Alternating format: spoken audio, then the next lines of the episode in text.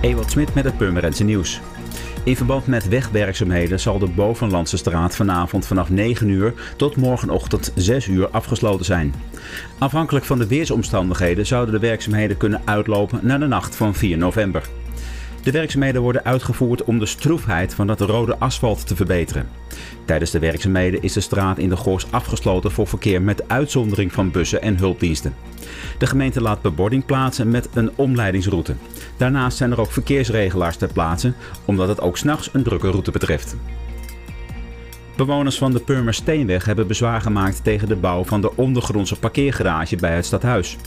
Hun bezwaren richten zich onder andere op de aantasting van de woonomgeving, de bedreiging van de cultuurhistorische waarde van de Purmer Steenweg, de brandrisico's van een ondergrondse parkeergarage met plek voor elektrische auto's en de risico's van stijging van het grondwater. Ze vragen zich af of een parkeergarage bij het stadhuis wel nodig is. De bewoners vragen het college het bestemmingsplan op te schorten en nog eens na te denken over een garage aan de Schapenmarkt en over wat nu echt de behoefte is aan parkeerplekken. Ook in relatie tot het openbaar vervoer en het promoten van het fietsgebruik.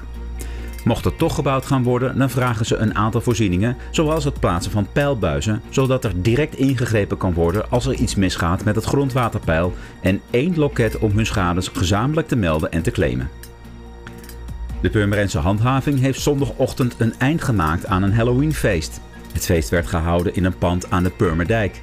In het pand waren ruim 40 personen aanwezig.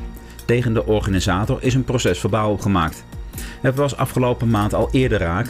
In de nacht van zondag 11 op maandag 12 oktober heeft de politie al een illegaal feest beëindigd. Het ging toen om een feest in een bedrijfsgebouw aan de Baansteek. Een groep van 33 mensen werd vervolgens beboet voor het overtreden van de coronaregels. En tot zover het nieuws. Voor meer nieuws kijk op onze socials en op rtvpurmerend.nl.